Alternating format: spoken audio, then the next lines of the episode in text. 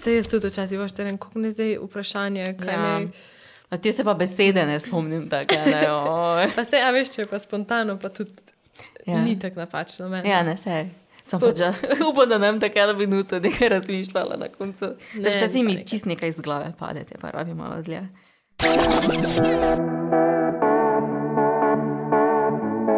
Živijo Alja. Živja.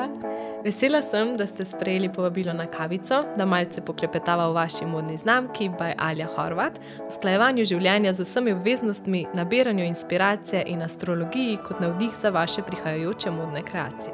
Kako začnete svoj dan? Morda s kavo? Um, kava za mene ni nujno potrebna, ampak zelo rada pijem zeleni čaj z mlekom. Za mene pa je nujno zjutraj. Mislim, nekaj časa sem imela, um, sem mogla vsak dan jesti zajtrk. Pač, ono prvo, kaj sem odprla, ok, sem že imela pač misli hrano. Zdaj sem se tega malo odvadila, tako da pač probujem zjutraj narediti jogo ali pa ne vem, malo potelovaditi. Mislim, so tudi dnevi, ko da na pač nič delam, ko se mi nič ne da, pa grem kar direktno za računalnik, ker vem, da imam nekaj za narediti, ampak tako probam imeti neko rutino no, zadnje čase. Se mi zdi, da je tako full ko se nečesa navadiš. Tako, da niste uh, tisti človek, ki mora začeti dan s kavo? Ne, mislim, rada imam kavo, ampak um, nisem je nikoli tako zjutraj pila. Pač. Uh, Vem, da moja mama pač prvo, kaj ok, odpre, pač mora eh, kavo si skuhati. Um, Jaz pa ne, tako tak, tak popoldan mi kdaj paša, ali pa kad ne ko grem k prijateljici na kavo ali pa kaj takega. Aha, takrat pa. Se mi zdi, da meni ni užitek kave sami piti. Aha. Da, da srabim družbo za pitje kave, se mi zdi, da pač ima pol svoj čar. Kakšno kavo si pa naročite, če greste v kavarnico? Um, belo kavo. Ja. Z dosti mleka. ja, ne morem. Pač nekaj časa sem probala piti pač črno kavo brez mleka. Ampak te si moram pol kile cukra odvreči, da lahko preživim. Tako da ja, mleko enako. mora biti nujno zraven. Te pa lahko brez sladkorja, samo mleko mora biti. Jaz enako.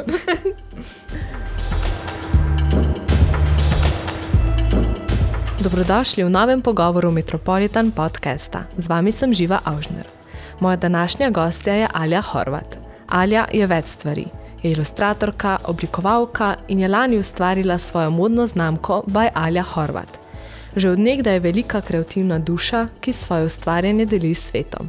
Njena vizija je ustvariti svetovno znano modno znamko in etično modno kolekcijo, ki v spredje postavlja potrošnika in se mu približa z barvitimi in živahnimi vzorci, ter edinstvenimi, skrbno izbranimi in trajnostnimi oblačili.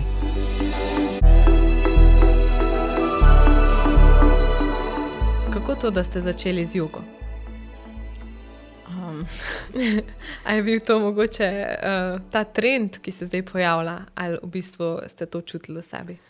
pač jaz sem tip človeka, ko se ful hitro naveliča stvari in pač nekaj časa sem telovadila.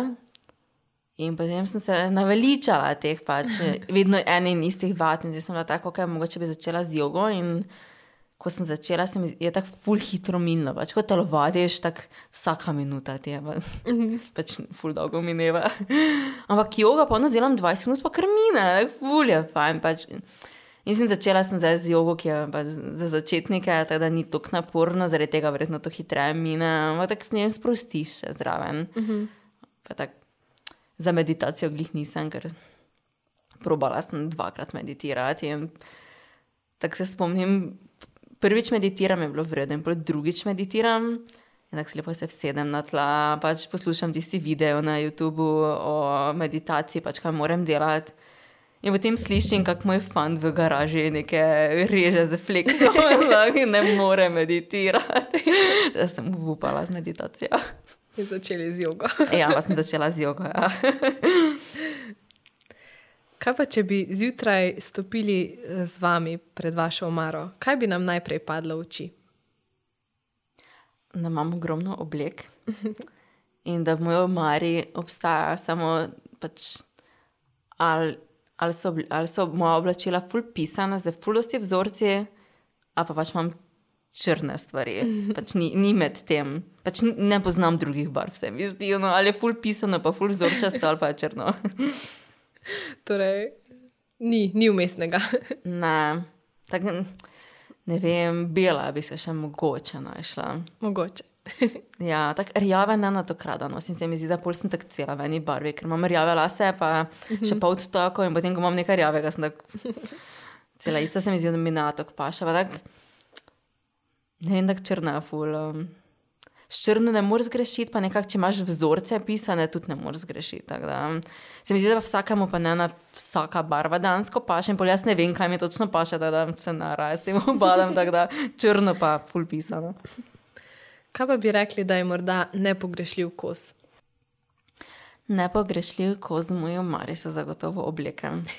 Spet smo pri obleki. Ja, mislim, um, najbolj komod se počutim v oblekah, pa na rajih nosim. Tako da, v bistvu, če kupim kaj novega, so to obleke. Pač, zdaj, odkar pač imam svojo kolekcijo, pač delam take stvari, ko bi jih jaz nosila, tako da je to full fine.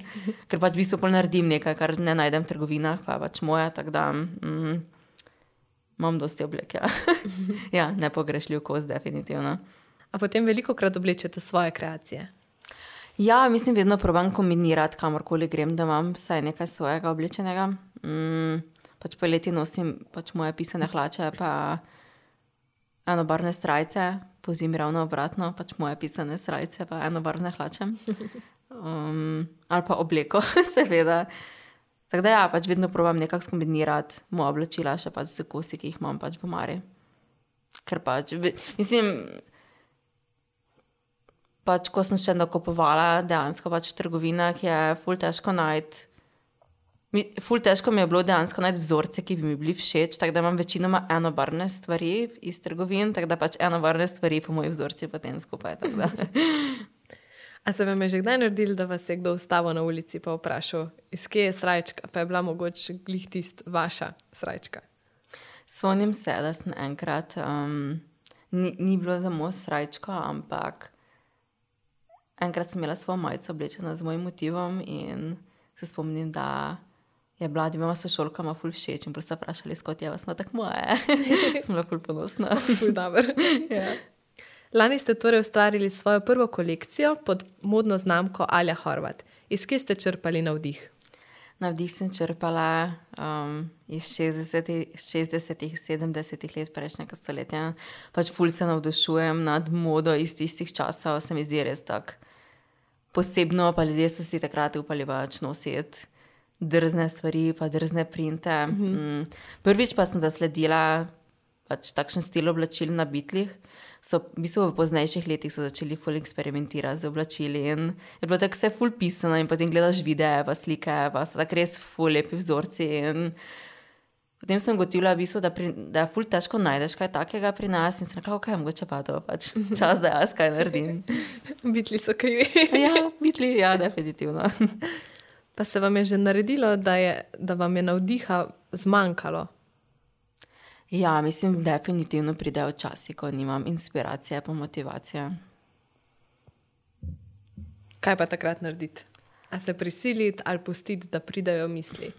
Um, za malo je problem, če imam kakšen deadline, um, potem se pač moram malo prisiliti. Ampak potem pa ponavadi vedno pride neka inspiracija, ko pač moram nekaj za nekoga, nekoga drugega narediti, ko pa delam za sebe, pa se probam nekako odklopiti. Mislim, zdaj, če je res hudo, pa če res ne vem, kaj bi, pač kaj naj naredim, pa če res ni sploh inspiracije. Pol se pač odklopim in grem gledat, grem gledat serije, poslušati glasbo, mm, preberem kakšno knjigo. Če pa še vseeno imam malo inspiracije, pa ni toliko motivacije, probujem tako malo po malo delati. Ne vem, pet minut po pet minut, pa pa pač nekako um, pride no samo od sebe. Pa zdi se mi ful pomembno, da se ne nasiliš, no, ker ko nimaš motivacije, pa se nas smeš siliti, ker bolje še samo slabše se mi zdi. Mogoče se lahko tudi zameri. Ja, mislim, da nekaj časa sem bila fuljezna na sebe, ko nisem imela motivacije in inspiracije in sem se sila, da sem delala in potem še tako enkrat slabše se mi zdi. No. Ko pač hočeš nekaj na silo, pa pač ne gre in potem se trudiš, pa se siliš, pa je še hujše, tako da se boljše malo odklopiti, pa um, pozabiti na vse skupaj. Pa pa lahko, da ti na koncu sploh ni všeč, ko se Če si- siliš. Ako se siliš. Ja. Ja. Jaz se ponavadi je tako, ja. Pol nekaj narediš na silo, pa si tako, Ja. To, to. Pa še tako moraš enkrat ti delati. Ja. tako Da. Ja, da boš, da se Ja. ne bi. Torej, za prihajajočo novo kolekcijo pa navdih črpate iz astrologije. Ja, res je. Mislim, že samo po sebi me navdušujejo zvezde, pa vesolje, pa luna, pa sonce. Mislim, vedno sem čutila neko povezanost. Se mi zdi, da, da so tako. Pač mi smo tu in potem so tam zvezde nad nami, da je tako magično, ne vem, tako nedotakljivo. No. Um, pa tudi za, za astrologijo sem se začela zanimati pred kratkim. Pa če do pol leta nazaj nisem vedela, da obstaja karkoli drugega kot tvoje sončno znamenje in da še obstaja karkoli drugega kot dnevni horoskopi. tako da je ful zanimivo, pa ful me je potegnila, tako da je definitivno neka inspiracija pri ustvarjanju nove kolekcije. Kje ste pa prišli do astrologije? Um, ful sem se. Ful sem se branila, da se bom pridružila TikToku, in potem sem bila en dan tako, okay, da vidimo, kaj se dogaja in kaj sploh je TikTok, ker mi ni bilo jasno, kaj je TikTok. Prav sem se prijavila in potem pač me je začela metati videe in je pač algoritem zaznal, da rada gledam astrološke videe in potem je samo to. In potem pač vedno, ko pogledaš nekaj novega, se nekaj novega naučiš in potem ti postane zanimivo in potem začneš googlati. In pa- zveš še več. Ja, in potem vedno več, ko veš, vedno bolj zanimivo je. tako da Ja. je. No, vse v bistvu, če pomislim, moš tudi za neko tako stvar, kot tudi zdaj, če boste astrologijo vključili v oblačila, neko podlago, neko znanje. Tako Da v bistvu TikTok ni bil tako slab. ja, mislim, pač na TikToku je ogromno konta, ki je v bistvu. Ne vem, nima neke dodane vrednosti, ampak je ogromno stvari, ki pa so dejansko. Uh -huh. Mislim, fuljosti ljudi objavlja stvari, ki so poučne, pa dosti krat se naučiš kaj novega. Da, Pravo smer te more ponesti. ne? ja, mislim, ja, algoritem te mora Ja, najti. Ja. ja. Mi- Mislim, meni se TikTok na tak način ne zdi tako napačen, ker ti v bistvu kaže stvari, ki te zanimajo, in marsikdaj pa vidiš dejansko kaj poučnega in se naučiš kaj novega. Pa vam je morda že kdo rekel, da je vaš stil poseben, da mogoče pa ni za vsakega. Um, mislim, meni je jasno, da ni za vsakega. Mislim, da še meni noben ni to rekel, verjetno si ljudje to definitivno mislijo. Ampak. Um, Mislim, definitivno je poseben. Mislim, ful bi bilo brez veze, če bi, če bi bile ljudem pač všeč enake stvari. Mhm, vse Zdaj, da je ful ja. fajn, da ni za vsakega. Ne, tako da. Mislim, ma, malo sem bila, vem, da to leto so začele pač te fast fashion modne znamke, dosti vključevati v bistvu 60. pa 70. Tako da sem bila, mislim, po eni strani je fajn, ok, je pač popularno, po drugi strani pa sem bila tak. Ja, pač, ne vem, bolje je tako tak mas, na- masivno, nare- masovno nareto, pa sem bila tako pač ne pokvariti eh, 60-ih pa 70-ih Ja, dejansko ja. za fast fashion, no, ampak. Pač vem, ene stvari so bile dejansko lepe. No. Vem, da Zara je imela dejansko zelo lepe kose, no. pač ne morem reči, pač fu lepi kosi so bili. No. Uh Mhm. -huh. Da so dobro naredili. Kako pa ste zbrali pogum, da ste se lotili svojega projekta, svoje modne znamke? Že od nekdaj sem želela v bistvu delati v modi. Ko sem se v bistvu- v bistvu vpisovala na faks, sem razmišljala, če bi šla za modno oblikovalko ali pač ne grem študirati grafično oblikovanje. In mama še me nekako pripričevala, da grem na modno oblikovanje, pač ker mama ful dobro šiva. In pač do, ful dosti svojih oblačil si je naredila, ko je bila mlada. Zdaj pač ne na več toliko šiva, ampak. No, zdaj pa vidimo, iz kje imate Ja, navdih. In potem sem se nekako odločila, da grem pač naprej na grafično oblikovanje, ker nisem znala šivati in sem bila tako, da ne morem iti na faks, pa ne znati šivati. Pa, pa tudi, mislim, grafično oblikovanje me danes v tistem trenutku bolj zanimalo kot modno oblikovanje. In ne vem, potem pa sem začela delati vzorce za modne znamke. In se ful rada delam v bistvu za druge modne znamke, ampak vseeno nisi vključen pri celotnem procesu in mi je ful manjkalo, da ne morem imeti dejansko nadzora na tem, pač kako bo print izgledal dejansko na oblačilih. Da, Ja, torej ste prej delali za druge modne znamke. ja, Aha. v bistvu te vzorce oziroma printe, pač, ki pridejo potiskani. In, ampak pač nimaš nadzora nad ničemer drugim, ker v bistvu ti pač za nekoga narediš samo print. In potem sem se pač odločila, da bom naredila svojo modno znamko, da bom nadzor še nad tem. Pač. Mislim, ful je fajn, pač se mi zdi, da se lahko res na tak način res kreativno izražam. No. Pa ker v bistvu um, pozitivna stvar vaše znamke je tudi to, da se vse ve, v kaj gre denar, kdo ustvarja, um, kakšni so stroški. Mislim, zdi se mi prav, da smo pač transparentni dejansko za kupci. In pač na nek način, da kupce vede, da pač je bil nekdo fair plačan za oblačilo, ki ga je kupil, po drugi strani pa v bistvu. Um, Se mi zdi, da vsi ljudje imajo pač napačno predstavo. Vidiš neko ceno na spletu, pa ne vem, stane ena srca 150 evrov, greš v trgovino, stane srca 20 evrov. In potem si marsikdo misli, da dejansko ne vem. Veš, vse srca na nas stane več kot 10 evrov, so narediti pa pa nekdo 140 evrov profita. Zato se mi zdi še toliko bolj pomembno, pa že so v bistvu stroški transparentni, ker ko me potem lahko v bistvu kupec vidi koliko denarja v bistvu gre, da se pač naredi oblačilo na trajnosten in etič, etičen način. Koliko gre v material, v delo, v bistvu, ker ne delate sami oblačila. Ne? Ja, mis, ja, res je. Pač, Zdi se mi res pomembno, da pač žensko kupec vidi, koliko stane blago, koliko stane delo, koliko stanejo druge stvari. Um, Mislim, sama ne računam svojega dela, pač mars, mislim, ko delam za druge znamke, tudi računam vzorce, da, da v bistvu tudi print, ki ga naredim, nekaj stane. Pač mene ne stane, ker ga naredim sama, ampak um, ja, pač, mislim, da se je res za to hitro modo se nekako. Um, Nekako so postala pač pričakovanja glede cene nerealna, predvsem zato, ker so delavci, ki delajo za te hitre modne znamke niso plačani fair, pa drugo tudi niso pač delajo v groznih pogojih. Um, pa drugi problem pa je tudi pač um, masovna produkcija vseh teh oblačil, ki na koncu, če niso prodana, pač grejo na odpad. In, um, vem, pač zdi, zdi se mi fajn, da si transparenten, pa, pač, da, gremo, pač, da gremo po poti trajnostne in etične mode, pač, ker je do vsakega.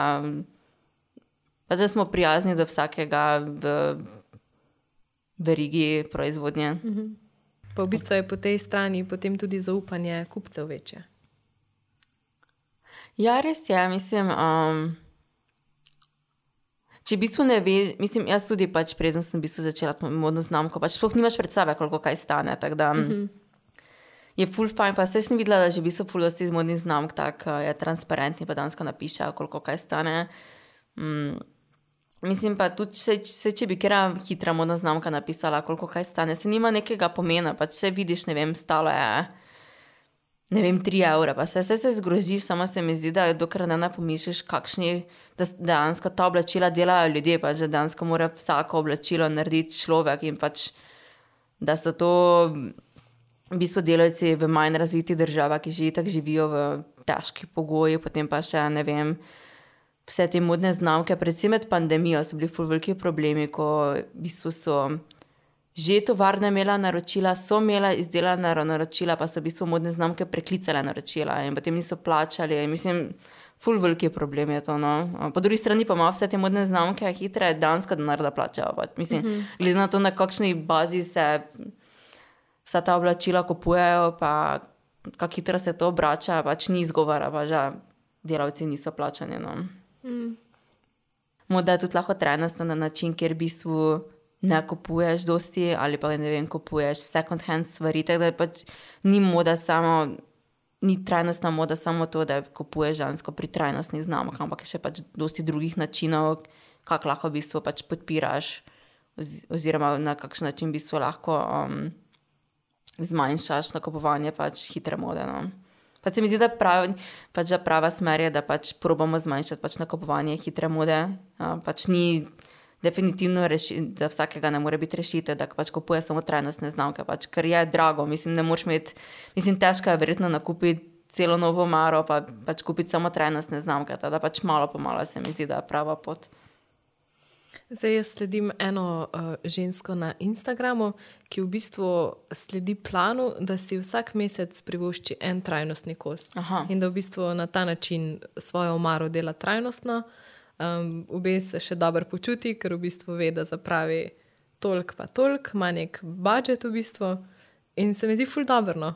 Nek, uh, nov pristop, ampak v bistvu itak s tem začneš postopoma. Ne moreš, t- tako kot ste rekli, da bi pa zdaj naenkrat kupil trajnostno omaro. ne. Postopoma. A, a hitak, ja, mislim, za pred kratkim sem brala knjigo Atomic Habits, kjer v bistvu pač govori. Um, recimo, imamo te novoletne zaobljube, potem se za novo leto zaobljubiš za vse, kar je možno. In potem tako se ne moreš tega držati, ker je pač preveč zaobljub. Ti se ja. pač hočeš celega spremeniti in pač v bistvu eh, način je, da. Pač najboljši način je, da začneš malo po malo pač spremenjati vsakodnevne stvari. In pač isto je definitivno pač pri modi, pač malo po malo. Pa, mislim, sploh se ti ne zdi, da delaš tako veliki korak, ampak recimo, ko pogledaš čez eno leto, pa vidiš, kako dosti se je dejansko ja. spremenilo. Ja, res je. ja. S časom. V bistvu. Ja. Eh, Kaj pa konkurenca? A bi rekli, da je na slovenskem trgu veliko konkurence? Um, Zdaj v vaši panogi, v vašem stilu, vaša znamka. Pa mislim, da neposredne konkurence trenutno nima. Mislim, so trajnostne znamke, ampak noben se, v bistvu so trajnostne znamke, ampak noben nima tako izrazitih vzorcev kot jaz, tako da verjetno neposredne konkurence nimam. Ampak mislim, pač zdravo je, da imaš neko konkurenco, se mi zdi. Tako da uh -huh. je fajn, da nas pač. Mislim, ful, ful fajn, da se danes ljudje ukvarjajo s trajnostno modo. Če dalje več tega. Ja. Sicer sem pa videla, da v bistvu uh, 50% obiskovalcev vaše spletne strani predstavljata Slovenija in pa ZDA. Kje je ta povezava, kje se to vidi, kako ste v bistvu uspeli pobegniti tudi čez ocean s svojo prepoznavnostjo? Mislim, ko sem začela v bistvu ilustrirati oziroma delati vzorce, so bili moji prvi naročniki iz Amerike. A ja, Ja. Uh, mislim, ko sem že delala z nekaj podjetji v Ameriki, sem v bistvu komaj tu nekako postala, oziroma začela delati z slovenskimi podjetji. Mislim, da je bilo prvo slovensko podjetje celo Bar Cafe. Uh, ampak pač mislim, po Bar Cafeju se je potem pač flu razširilo. Um, ampak predtem sem pa večino pač stojino delala, tako da mislim, da je to razlog. No. pa delate tudi v tej smeri z marketingom za tujino, ali v bistvu je bilo to čisto ključno? To je bilo čisto ključno, to je bilo čisto na začetku moje poti. Sem začela objavljati na socialna mreža in pač večina ljudi, ki me je sledilo, se mi zdi, da so bili pač tujci in ne vem, se je nekako začelo. Pa tako na začetku se mi zdi, da se niti nisem hotela to nekako izpostavljati. Pač se mi zdi, da imaš vedno nek strah, kaj bo pač ljudje okoli tebe rekli. Ja. Tako da mi je bilo fajn, da sem začela pač stojino. Da, ne vem, pač um, lažje je bilo. Pač, ker si vseeno nekako, nisi anonimen, ker ljudje vseeno vejo, da si ti, ampak noben te pa dejansko ne pozna, tako da je bilo lažje. Ja. A torej, eh, dejansko uh, veliko krat pošlješ pošiljko v tujino.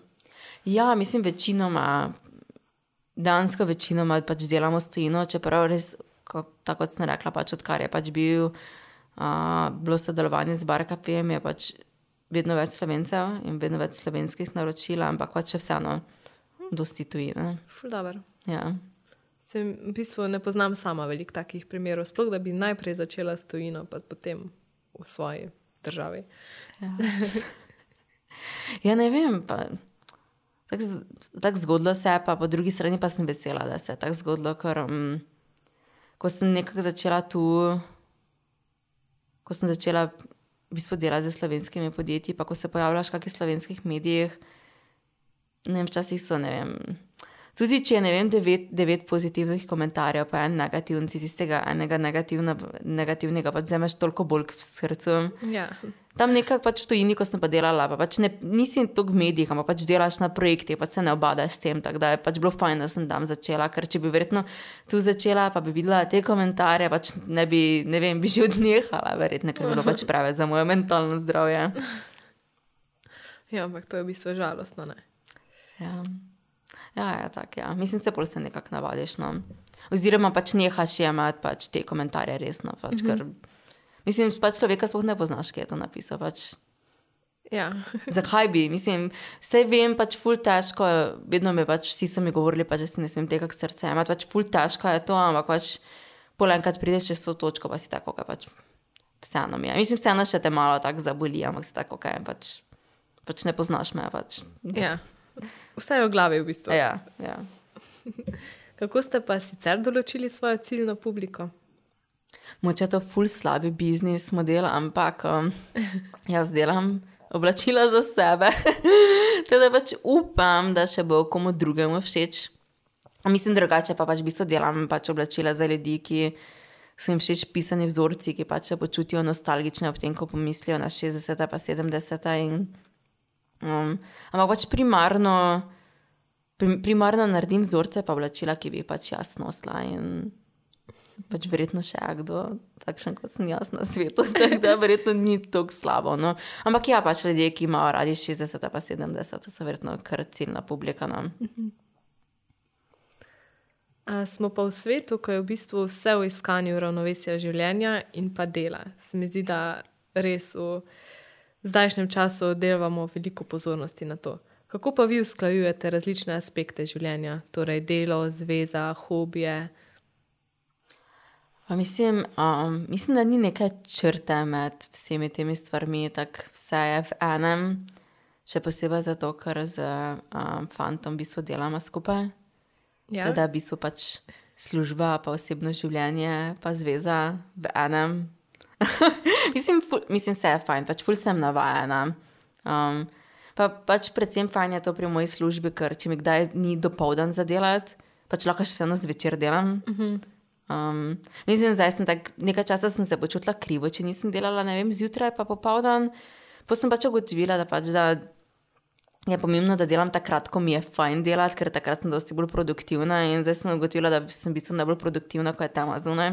Mm. Da pač delam največ zvečer. Zjutraj pa čas je perfekten, ker je velik teme. ja, te dosti delam. Ja. Um, Mislim, da zjutraj pa zvečer ponavadi delam, pač popoldan si pa ponavadi tako vzamem fraj, tako pokosilo. Um, tako da ja, mislim pač, ni mi težko usklajevati pač vseh teh aspektov mojega življenja, ker je v bistvu služba na nek način moje življenje. Pač, Tako včasih si mislim, da bi bilo fajn iti kam za en teden in potem grem pač na počitnice in potem že mi je prvi dan brez veze in že moram nekaj delati. Pač, ful sem žalostna, če ne delam. Pač, ker se to ne, ne počutim se, kot da je to moje delo. Da, um, pač res uživam v tem. No. Mislim, so trenutki pač delo, ki ga delam za sebe, ne občutim kot delo, ampak če moram recimo za koga drugega delati, tisto pa je delo. Da, tisto je pol malo težje usklajevati. No.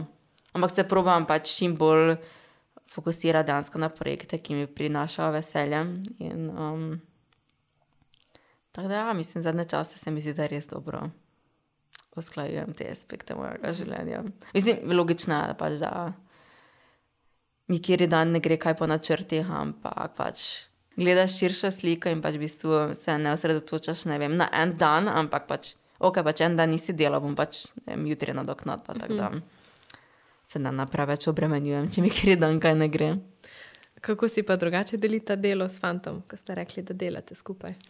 Um, jaz sem torej za um, kreativne stvari, um, pa v bistvu za vse ostale stvari, torej ne vem, pogovor z strankami, pošiljanje naročil. Um, potem pa spletno stran imamo nekako oba dva. Pač kaj, ne vem, včasih, če se mi da, bom jaz kaj naredila, da rečem njega prosla. Um, tak, mislim, večinoma. Pač jaz dejansko delam vse kreativno in potem vse, kar je ostalega, pač v bistvu naredim nekom. Tako da mi je full pomoč. Mislim, na začetku sem delala vse sama, um, ker pač nikom imel še drugo službo. Mm. Ampak bolj sem pač enega travila nekoga, ker je pač bilo v bistvu že tudi tako, da sem lahko cel dan pakirala in nisem pač v bistvu nič druga delala. Mm -hmm. Pač ni bilo časa za nič druga. Mm. Čeprav zdaj pa včasih pogrešam pakiranje. Pač ful rabim razgibano delo. Še včasih, pač včasih sem tak. Um, rabiš pomoč za pakiranje, in potem ni najbolj navdušen, ker pač ima svoj tempo, pa pač ve, kaj, kaj gre kaj, in potem pač jaz tam nekaj pakiram. Da, ja. Pa ste se kdaj otepala, da bi delala skupaj? Ne. Mislim, ni bilo, mm. da bi se zdaj, joj, to gremo, ali smo pripravljeni, ali ne. pač bilo naravno. Ne, pač um, poznamo ogromno ljudi, oziroma ogromno paro, pač, ki delajo dansko skupaj. Pa, Uh -huh. pač nikoli nisem razmišljala, da bi lahko bilo to kaj slabega. Uh -huh.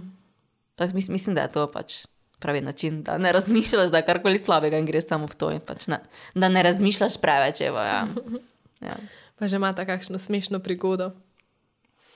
Oh, da pomislim. Tako v službi. Mhm. Ja. Ja, pa mislim, zihar je, kaj samo zdaj se na nas spomnim, že točno. Hm. No, se spomnim za. Tako včasih mu rečem, um, ful imam tremo pred videoklici, pa to in potem se spomnim, ko se je začela ta pandemija, je bilo ogromno videoklica.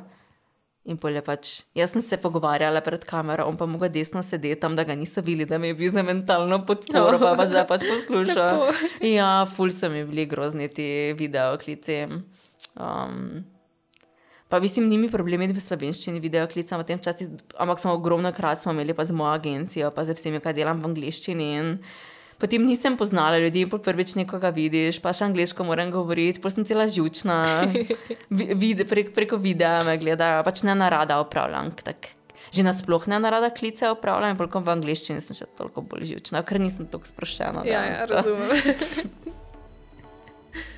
Za konec pa vas postavim pred izziv. Pripričajte poslušalca, naj zbere pogum in se loti tistega, kar mu v glavi že dalj časa ne da miru. Jaz vedno probujem razmišljati na tak način, da jim časi mi dorače, mm, kaj bi rad delal v življenju. In potem, v bistvu nič ne naredi za to. Nek, zakaj ne? Mislim, da se mi zdi, da se ljudje premalo krat zavedamo, da je dansko to naše edino življenje. Pač, mislim, pa zdaj živiš, če ne boš zdaj naredil. Mislim, se še imaš verjetno dosti časa, da narediš, pač, ne vem, pač, koliko boš pač živel, ne vem, 70 let. Ampak se mi zdi, da ljudje se, tako da se včasih ne zavedajo, pač, da je to to in da pač ni več drugega poskusa, da boš mhm. karkoli naredil. In pač to je tvoje življenje, pač naredi najboljše, kar se da iz njega.